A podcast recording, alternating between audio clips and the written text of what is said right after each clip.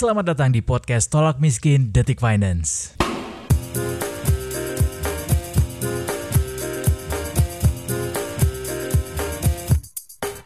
Selamat datang kembali di podcast Tolak Miskin Detikers bersama gue Eduardo Simorangkir dan kali ini bersama Angga Angga Alia. Alia Firdaus. Oke, Detikers, eh, sepekan terakhir kita eh, dihebohkan. Selain dihebohkan sama yang namanya antrean ojol untuk beli BTS meal, BTS Meal. juga ada yang gak kalah heboh adalah wacana pemungutan pajak untuk eh, sekolah dan juga sembako. Itu pas kita dengar pertama kali berita itu, lo sendiri gimana, masa nggak? Sebenarnya lebih heboh BTS Meal sih, BTS Meal tuh. Iya. Cuman kita masuknya bingung nih dari mana nih. Ya Udahlah kita lebih bahas yang lebih bermanfaat buat rakyat banyak dulu deh. Nih pajak nih. Benar, benar. Kaget juga sih ketika denger loh kok tiba-tiba eh, sembako mau dipajakin. Ya, Eh, dulu-dulu kayaknya nggak harus dipajakin. Terus habis itu nggak lama di hari yang sama juga siangan dikit. Eh besoknya kali ya, besoknya, Iya, besoknya, iya. besoknya besoknya ada tiba-tiba untuk sekolah. mau dipajakin juga walaupun katanya bukan sekolah negeri sekolah swasta les dan lain-lain katanya hmm. Eh, itu ya jadi kagetnya antara lain ya Tapi tetap saja itu pendidikan gitu ya. Heeh, jadi wah berarti nih harga yang ada di benak kan kalau kena pajak berarti eh, ada ada harga yang harus dibayar lebih mahal Ya, ya, ya, ya. dan ada nggak mungkin dong si penjualnya dengan baik hati oh pembeli nggak usah dari gua aja ininya. Kan nggak mungkin pasti kita yang bayar. Jadi misalnya Betul. beras kita bayar sekian pasti naik jadi sekian. Les nih anak-anak gue pengen les apa gitu tambahan karena negeri eh, kurang misalnya. Hmm. Kalau kan bah- misalnya bahasa Jepang nggak diajarin di eh, di negeri ya udah gue les. Nah itu les itu kan nanti kena. Nah pasti lebih mahal pada Ya, akhirnya ya, ya, ya. ya miris juga dengernya kayak aduh gimana nih orang Indonesia nanti nggak bisa makan terus nggak bisa sekolah udah udah lapar bego lagi nanti kan kasihan juga tuh Bahaya banget ininya ya, apa namanya outlooknya ya. Bahaya. Tapi memang sih kalau kita lihat nih barang-barang yang kemungkinan akan dikenakan PPN oleh eh, pemerintah yaitu pajak pertambahan nilai tadi ya. Mm. Yaitu kayak beras, gen- Iya. gabah, jagung, sagu, kedelai, garam konsumsi, daging, telur, Iya, susu, buah-buahan, sayur-sayuran, umbi-umbian pun juga dikenakan PPN nantinya. Yang mana kalau misalnya kita balikan sampai ke masyarakat tentunya nanti misalnya kalau yang dikenakan pajak adalah pengusaha Hmm. yang memproduksi komoditas ini pada akhirnya ujungnya akan kembali ke masyarakat yang mendapatkan eh, harga yang lebih tinggi dong Iya, ya. sama aja. Sama aja Kalau pada misalnya akhirnya perusahaan yang dipajakin yang bayar kan tetap kita juga ujung-ujungnya. Iya iya. Ini bahaya banget lagian yang disebutin nama Edo tadi itu kan pasti detikers pada makan semua itu. Exactly nggak mungkin tiap hari lagi. makan itu tiap hari. Itu perpu- perputaran uangnya kenceng banget sih makanya setiap hari ada kenaikan walaupun kan katanya bocorannya satu persen. Satu persen. Satu persen sehari 30 hari tapi ini ada. 260 juta rakyat Indonesia. Waduh. Exactly. Dan ini benar-benar literally tiap hari dikonsumsi gitu ya.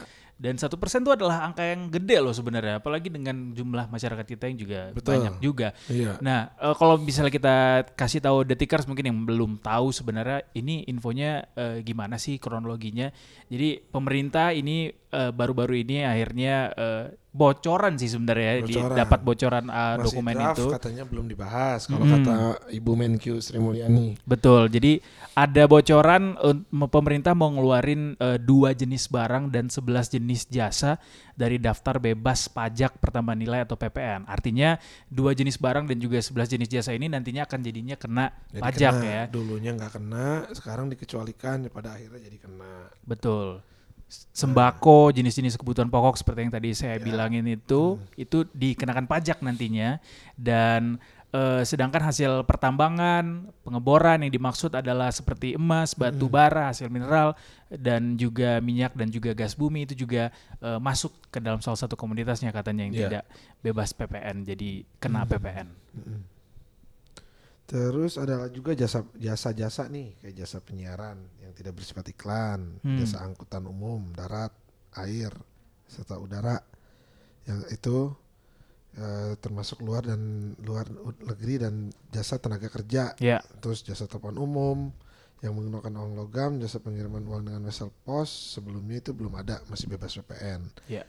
Kalau dilihat dari kategori-kategorinya beberapa memang uh, udah cukup oldies ya. Ya. Karena memang uh, yang diubah itu yang tahun 83 kalau Ya, gua nggak ya salah. nggak apa-apa lah kayak jasa telepon Iya, umum pakai 83. koin emang siapa sih yang masih pakai kalau itu mah silakan aja kalau misalnya Benar. ada orang tiba-tiba punya telepon umum pakai koin mau kena pajak ya sok aja nggak apa-apa ya. kita bisa pakai handphone ada alternatifnya gitu sementara Betul. kalau sembako kan nggak ada alternatifnya Betul, lu betul. pasti kena gitu tiba-tiba sembako semua kena ah udah ah bosan gua nggak nggak mau kena pajak gua makannya apa makan pohon gitu kan nggak mungkin juga dan dan tadi yang seperti kita obrolin di awal yaitu selain sembako nih yang bikin kaget yaitu pemerintah juga akan mengenakan pajak pertambahan nilai eh, pada jasa Nah, pendidikan ya. baik yang formal dan juga informal.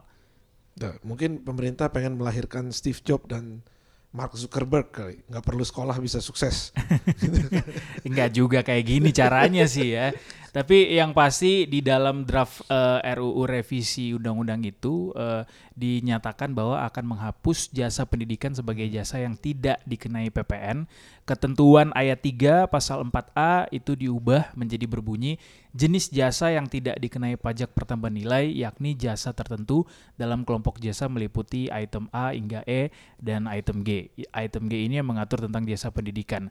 Ya jelasnya mungkin eh, Detikers bisa baca sendiri eh, baca berita-berita yang sudah kita sajikan di eh, Detik Finance dan juga mungkin udah dapat draftnya sendiri bisa dibaca-baca sendiri. Tapi yang pasti memang dua hal ini yaitu pendidikan, sekolah eh, dan juga sembako itu direncanakan akan kena dikenakan PPN. iya nah tapi sebelum kita ngobrol sama narsum kita nih ini eh, termasuk salah satu yang menolak nih karena banyak sebenarnya Eh, dari mulai politisi pedagang pasar sampai apa ekonom ya banyak ekonom Iya, menolak. Ya, ekonom. kita kita kasih dulu alasan Sampai buruh juga. Ya sebelumnya kita kasih dulu alasan dari pemerintah nih biar seimbang. Oke. Kata pemerintah itu, ini kata Sri Mulyani nih, Hmm. kuat langsung eh, biar nggak kepotong-potong.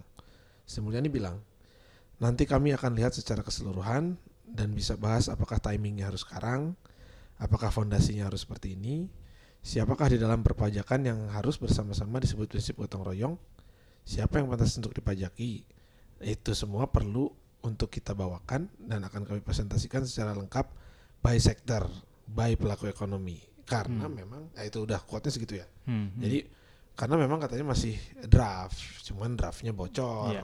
Walaupun tidak Bocor. membantah juga bahwa Ya, ini tidak bukan begini loh ya, sebenarnya ya. Tapi dugaan gua sih sengaja nih dibocorin buat Hmm. ngetes pasar.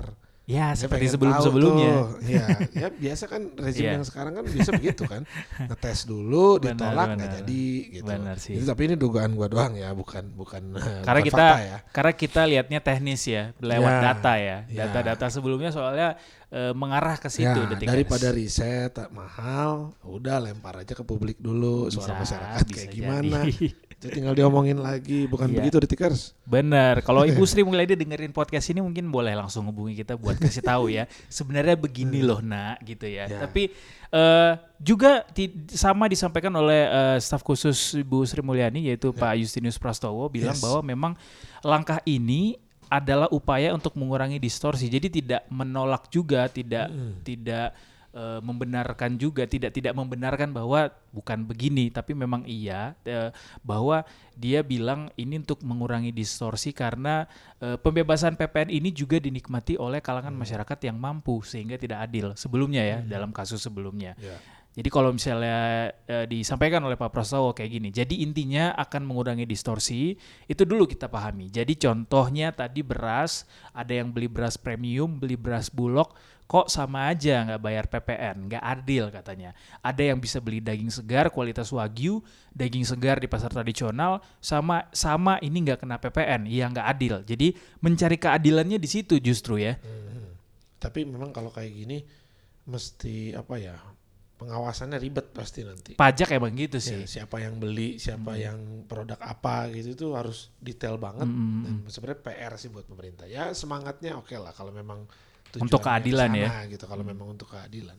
Iya Cuman benar. teknisnya harus diperhatiin juga. Hmm, Walaupun memang kita juga bertanya-tanya sih, kenapa pemerintah mengeluarkan atau ngetes wacana ini di saat-saat sekarang di mana Iya. kondisi ekonomi masih semrawut begitu, Betul. belum bisa lah kita bilang recovery juga karena kita masih dalam masa resesi juga Betul. secara data.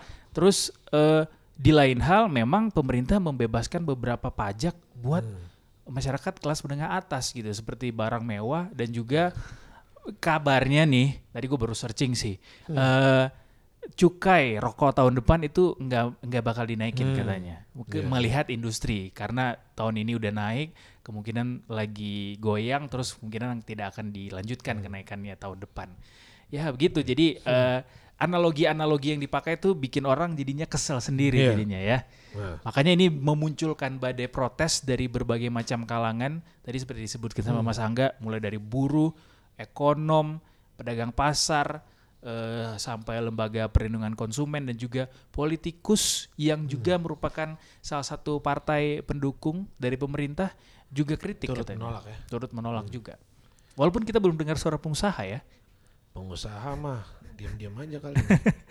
Soalnya pengusaha sekarang deketan nih sama yang bikin kebijakan ya. Tapi ya gitu, makanya kita coba pengen tahu sebenarnya eh, seharusnya seperti apa sih wacana ini eh, digulirkan dan apakah tidak apakah mengancam turut mengancam benarkah seperti seperti dugaan kita bahwa ini akan turut mengancam eh, eh, konsumen kita sebagai konsumen untuk mendapatkan Ya. harga yang lebih eh, lebih apa ya le- yang lebih, Lebih rasional ya, lah rasional, masuk akal lah. masuk akal Ya. Langsung aja kita tanya kita tanya ke ketua eh, di LKI. ketua pengurus harian YLKI Tulus Abadi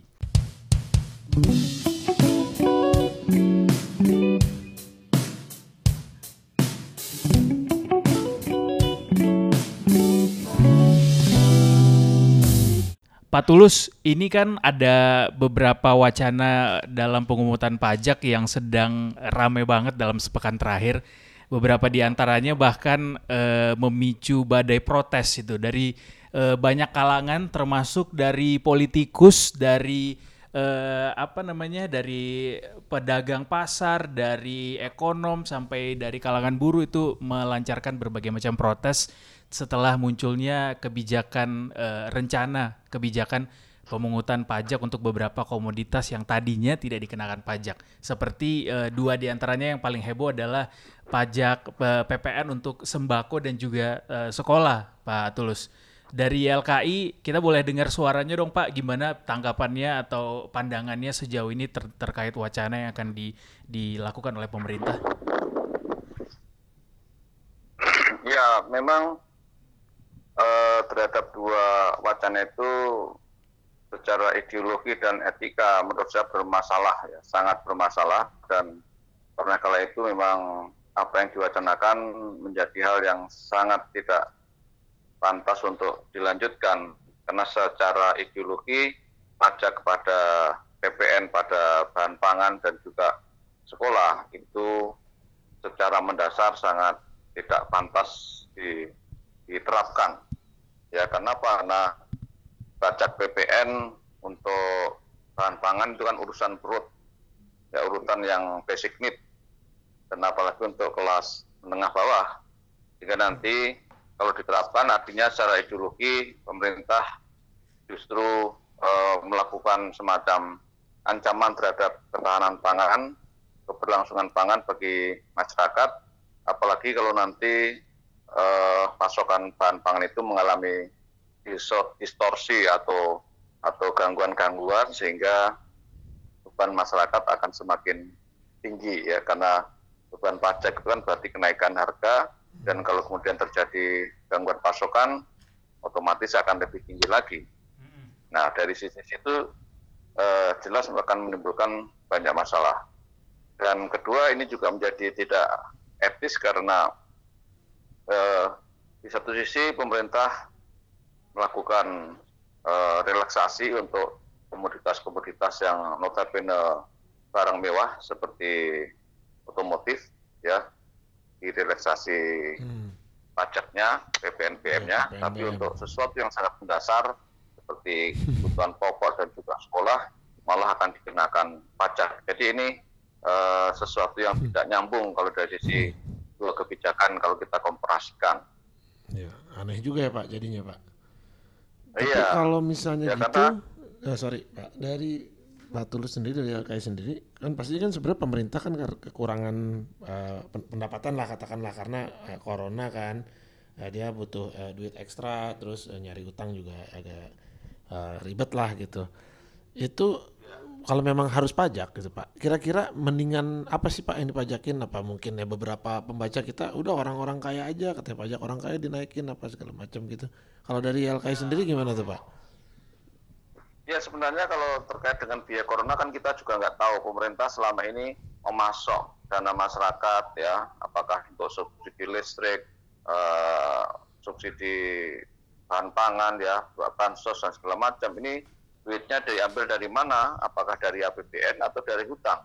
Hmm. Ya kalau dari hutang kan selama eh, setahun ini atau selama pemerintahan Jokowi kan hutangnya sangat tinggi, termasuk dalam kaitannya eh, pengendalian dana COVID. Ini dananya dari APBN atau dari hutang atau dari lainnya.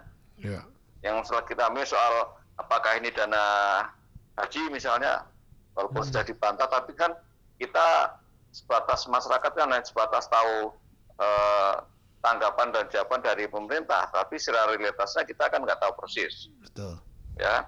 Hmm. Dan kedua, kalau memang ingin mencari pendapatan dari objek pajak yang akan digali dari masyarakat, ya masih banyak hal-hal yang bisa dielaborasi. Seperti eh, kemarin saya usulkan, agar pemerintah bisa menerapkan cukai rokok ya. Cukai Hmm. rokok memang setiap saat sudah ada, sudah naik. Tapi dengan kondisi seperti ini bisa saja dinaikkan lebih tinggi. Karena memang secara regulasi juga sangat memungkinkan. Hmm. Di Undang-Undang Cukai, ya cukai rokok itu bisa dinaikkan sampai 57 persen. Nah sekarang ini baru sekitar eh, rata-rata 40 persen. Jadi masih ada ruang yang sangat besar untuk itu. Kemudian manfaat dari kenaikan cukai itu juga jauh lebih besar. Masyarakat selama ini eh, khususnya menengah bawah itu uangnya lebih banyak untuk membeli rokok daripada kebutuhan eh, sembako atau lauk-pauk. Nah dengan Ya. dengan kenaikan cukai rokok ini di satu sisi pendapatan pemerintah lewat cukai akan naik tajam, di sisi lain masyarakat juga akan lebih sehat karena kemudian bisa mengurangi konsumsi rokoknya atau kemudian mengalokasikan uangnya untuk belanja yang lain daripada misalnya membeli rokok. Iya. Nah, jumlah rokok kita saat ini sudah mencapai 35 persen dari total populasi atau sekitar sekitar 70 juta. Tapi kalau Nah, ini yang mau ya. dipajakin, Hmm. yang mau dipajakin malah bahan pokok. Nanti semakin tidak terjangkau harganya. Iya, iya betul, betul. Cuma kalau rokok naik, ter pengusahanya protes juga pak, biasanya pak. Kalau soal naik atau itu pasti protes pasti ada, tetapi kan pemerintah harus punya skala prioritas, ya. Oke, Keberpihakan betul. gitu ya, Prioritas. Pak, ya. Ya, mau prioritas bahan pangan untuk kebutuhan dasar dan kesehatan atau membiarkan masyarakat sakit dengan banyaknya konsumsi rokok misalnya itu kalau kita disuruh memilih, ya. Oke. Pada artinya banyak lubang-lubang yang masih bisa digali, ya tetapi tidak digali, malah seharusnya yang tidak digali malah digali. Ya ini untuk Benar, kebutuhan pangan atau anak sekolah. Oke, Pak Tulus, kalau misalnya kita lihat keterangan dari staf khusus Menteri Keuangan Pak Justinus Prastowo kan katanya eh, ini adalah upaya untuk mengurangi distorsi. Walaupun Menteri Keuangan sendiri Bu Sri Mulyani bilang eh, mereka belum bisa kasih penjelasan apa-apa karena memang ini dokumennya baru bocor belum belum dibahas sama DPR sehingga secara etika masih belum bisa memberikan keterangan apa pun. Tapi pada dasarnya Pak Prastowo kemarin menyebutkan bahwa eh, pembebasan PPN ini dinikmati oleh kalangan masyarakat yang eh, mampu sehingga eh, tidak adil. Eh, sehingga akhirnya memberikan eh, pajak begitu agar masyarakat yang mampu itu juga eh, dapat pajaknya gitu pak. Kena pajaknya. Tidak sama seperti semua semua lapisan lapisan masyarakat. Tidak sama dengan semua lapisan masyarakat. Kalau pak Pak Tulus melihat penjelasan ini untuk mengurangi distorsi dan segala macam eh, ada ini nggak Pak? Wanti-wanti mungkin sama pemerintah kalaupun jadi memang untuk di dilaksanakan diwujudkan kebijakan ini apa yang ingin diwanti-wanti sama YLKI Pak? Nah kalau argumennya itu bahwa eh, orang mampu terbebas dari pajak, pertanyaannya kenapa pemerintah membebaskan PPNBM untuk orang mampu yaitu uh, produk mobil. Oh iya benar Itu kan jelas-jelas orang mampu, bukan untuk kebutuhan uh, pokok. Tapi kenapa yang notabene itu adalah sumber pendapatan pemerintah malah dibebaskan? Hmm. Jelas itu orang mampu kan? Artinya eh, argumen atau alasan itu menjadi tidak tidak terbukti karena pemerintah sendiri melakukan eh, kebijakan yang pro terhadap orang mampu sendiri. Hmm. Belum lagi terhadap eh, apa pembebasan PM, PPNBM itu terhadap industri otomotif kan dampaknya juga pemerintah sendiri misalnya eh, subsidi BBM naik ya atau kemudian eh, polusi di berbagai kota besar juga meningkat karena kemudian masyarakat lebih banyak menggunakan kendaraan pribadi. Ya. Nah, itu sebenarnya hal-hal yang kontraproduktif tapi justru dilegitimasi oleh pemerintah. Seperti itu dan juga misalnya peluang mengenakan pajak yang tinggi atau cukai yang ada selain cukai rokok juga bisa mengekstensifikasi cukai ya. Misalnya dulu wacana akan menaikkan cukai untuk eh, apa mengenakan cukai untuk bahan minuman yang berpemanis tinggi ya, minuman gula. Nah itu kan juga jauh lebih strategis karena kemudian eh, bisa menurunkan gula, konsumsi gula dalam arti untuk eh, menekan Ya. eh, pola hidup masyarakat yang lebih sehat. Kesehatan. Ingat kalau kita kaitkan kita kaitkan dengan pernyataan dari eh, Nestle yang mengatakan bahwa produk makanan minumannya tidak sehat karena betul itu menyangkut karena kandungan gulanya sangat tinggi. Mengapa sangat tinggi? Karena ya regulasinya tidak tidak mengatur hal itu sehingga boleh dengan ukuran-ukuran yang telah ditetapkan. Nah, mestinya itu upaya untuk menekankan itu atau bisa dikenai pajak yang lebih tinggi atau juga cukai. Ya, di banyak negara minuman gula itu kena cukai. Gitu. Oke. Iya, iya. Berarti YLKI jelas eh, menolak ya Pak untuk dua eh, komoditas ini yaitu sembako dan juga sekolah dikenakan PPN ya Pak ya. Ya, karena apakah pemerintah ingin rakyatnya lapar? Ya. Apakah pemerintah ingin rakyatnya bodoh dengan pemajakan itu? Itu kan tidak sejalan dengan misalnya eh, eh, apa namanya wajib belajar dan seterusnya Ya. gitu. Masih banyak anak-anak yang tidak bisa sekolah ya karena masalah biaya. Biaya itu bukan hanya masalah SPP atau apa, tapi juga menyangkut transportasi, menyangkut eh, seragam dan segala macam. Oke, oke. Atau kalau mungkin mungkin kalau acuannya pemerintah adalah negara maju, sepertinya kita belum sampai ke sana gitu ya Pak ya. Ya, apalagi itu karena itu nggak bisa apple to apple karena negara ya. maju kan pendapatannya juga maju kan. Oke. Sementara kita pendapatannya semakin turun di tengah pandemi dan lain sebagainya gitu kan. Oke, baik. Terima kasih banyak Pak Tulus atas waktunya. Oke oke.